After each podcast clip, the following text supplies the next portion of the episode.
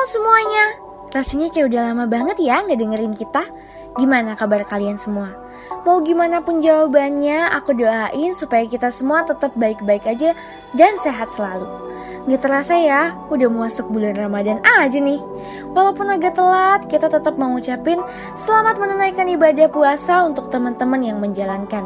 Semoga puasanya lancar, nggak ada bolong-bolong dan nggak ada niatan buat batal diem-diem ya. Semangat buat puasanya guys. Oh iya, untuk pendengar baru dan pendengar lama, selamat datang di podcast Kelakar Gen Bisumsel. Hari ini kita bakal ngomongin hal yang relate untuk kita semua. Kalau kemarin kita bahas soal ambis-ambisan, hari ini kita mau ngomongin soal kegagalan. Kayaknya momennya pas ya, terutama untuk teman-teman yang udah lihat hasil pengumuman SNMPTN dan lihat warna merah terpampang nyata di sana. Coba uh, join the chat dulu. Dan untuk teman-teman yang habis memperjuangkan sesuatu tapi endingnya gagal juga, hayu mari merapat ke sini supaya habis ini kita bisa semangat lagi. Karena episode kali ini ada untuk kalian yang gagal berulang kali. Iya, bukan sekali dua kali tapi berulang kali. Dan ngomong-ngomong soal gagal dan kegagalan, kayaknya nggak ada definisi yang pasti gitu ya. Soalnya menurut KBBI, gagal itu artinya tidak berhasil, tidak tercapai, tidak jadi. Soal apanya yang gak berhasil, nggak tercapai, nggak jadi, ya nggak tahu. Karena tiap orang itu kan punya tujuan yang beda-beda ya. Ada yang nganggep dirinya gagal kalau dia nggak bisa mempertahankan prestasi akademiknya. Ada yang merasa kalau dia nggak dapat medali emas atau jadi juara satu, dia gagal. Ada yang merasa gagal waktu nggak masuk universitas lewat jalur SNMPTN. Ada juga yang merasa gagal karena dia nggak lolos seleksi beasiswa atau open recruitment suatu organisasi. Ada yang merasa gagal ketika bisnisnya nggak ngasih untung atau nggak balik modal. Ada juga yang merasa gagal karena pernyataan cintanya ditolak. Tapi ada juga kok yang merasa dia nggak gagal kalau IPK-nya turun, tapi dia tetap jadi juara di tiap lomba yang dia ikutin. Atau ada yang merasa dia nggak gagal waktu dia nggak keterima lewat jalur SNMPTN karena jalur ITBK masih ada. Pada intinya, standar gagal orang itu beda-beda guys. Tapi, respon untuk tiap kegagalan ya 11-12 lah. Pertama kali jelas kita bakal merasa kecewa. Seketika langsung ngerasa down, kayak ada yang salah nih, ada yang gak bener nih. Jadi langsung juga buat ngapa-ngapain. Aduh, patah semangat dan berujung pada aduh males ah buat coba lagi. Takut gagal lagi. Gitu loh pengen nangis. Aduh. Makanya hal pertama yang mau aku bagiin hari ini adalah soal gimana otak kita merespon kegagalan. Kalian tahu nggak di saat kita stres otak kita tuh juga stres loh waktu kita mengalami kegagalan otak kita jadi agak lemah waktu berpikir Hal ini bisa berdampak pada otak nggak bisa memecah masalah kontrol emosional. Gimana bentukannya? Apa maksudnya? Iya, jadinya kita tuh menghayati semua proses yang udah kita jalani dari awal sampai akhir kita berusaha mencapai tujuan kita. Ujungnya, otak mengartikan itu sebagai keraguan dan hal yang bisanya bikin stres doang. Makanya ada aja teman-teman kita yang habis gagal, ya stuck terus di kegagalan mereka. Untuk mengantisipasi stres pada otak, kita bisa mengedit ingatan kita. Gini, waktu disuruh mengingat kegagalan kita, coba deh ingat lagi baik-baik. Ada deh satu atau dua hal yang sebenarnya lucu juga ya setelah kita pikir-pikir. Nah, mending kita ingat itu aja. Jadi, kalau ada yang nyinggung soal kegagalan kita, yang ada malah ketawa-ketawa, bukan sedih-sedih dan berseduria. Terus kalian tahu nggak? Di saat kita gagal, otak jadi menggebu-gebu memikirkan tujuan lain. Waduh, solutif. Bet eh, kok solutif? Solutif betul ya otak kita ini. Setelah kita gagal, otak nggak mau kita gagal lagi. Jadi dia coba melakukan usaha lain yang gak jelas. Mohon maaf tujuannya apa ya? Nah, ada respon lanjutannya nih teman-teman. Otak jadi mencoba menghindar dari kegagalan. Akibat dari kita nggak mau gagal lagi nih, tanpa sadar kita memaksa alam bawah sadar kita untuk melakukan segala sesuatunya dengan benar tanpa ada kesalahan.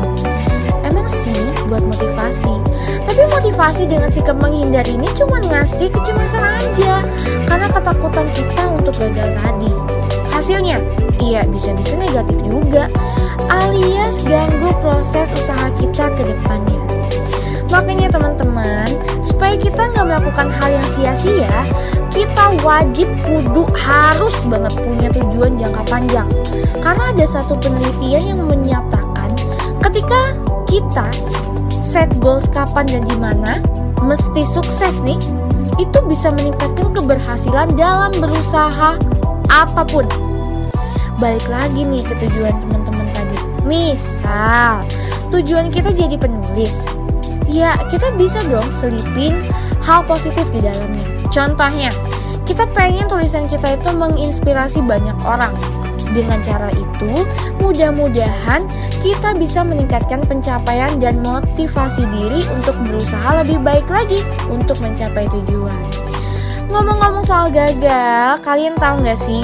Ada lagi penelitian yang mengatakan bahwa atlet yang jadi juara dua hidup lebih lama dan lebih sukses. Eh, apa nih tiba-tiba bahas atlet? Aneh banget. Ini maksudnya kegagalan itu memacu mereka untuk hidup lebih sukses. Makanya kita harus pintar-pintar nih menyikapi kegagalan yang kita hadapin. Kegagalan itu harusnya jadi cambuk untuk kita lebih semangat. Jangan sampai kita stres terus atau kita ikutan stres juga lanjut bahas atlet nih ya.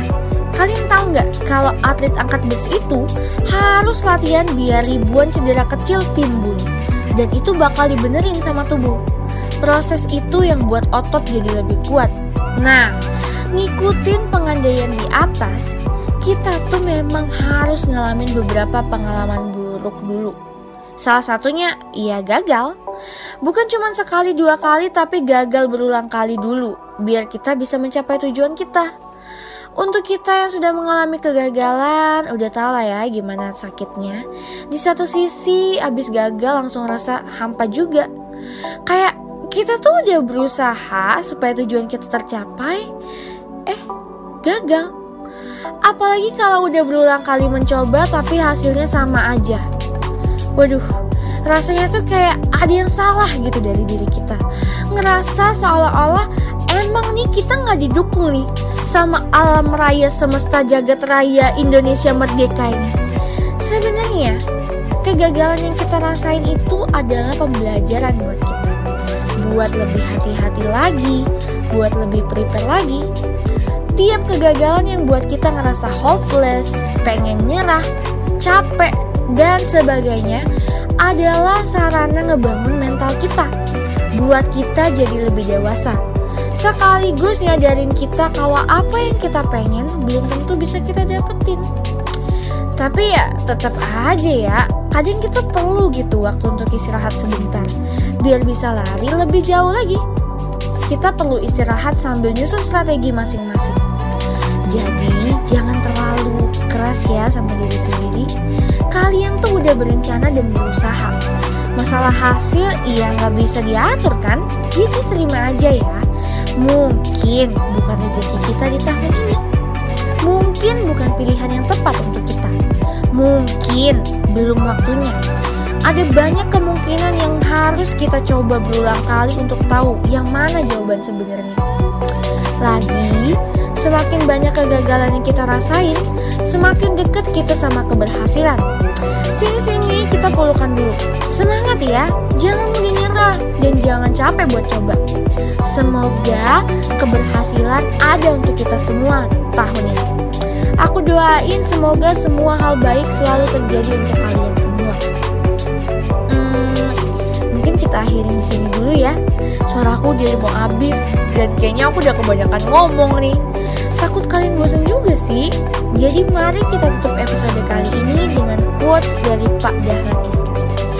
Setiap orang punya jatah gagal. Habiskan jatahmu di masa muda. Widih, keren bener ya?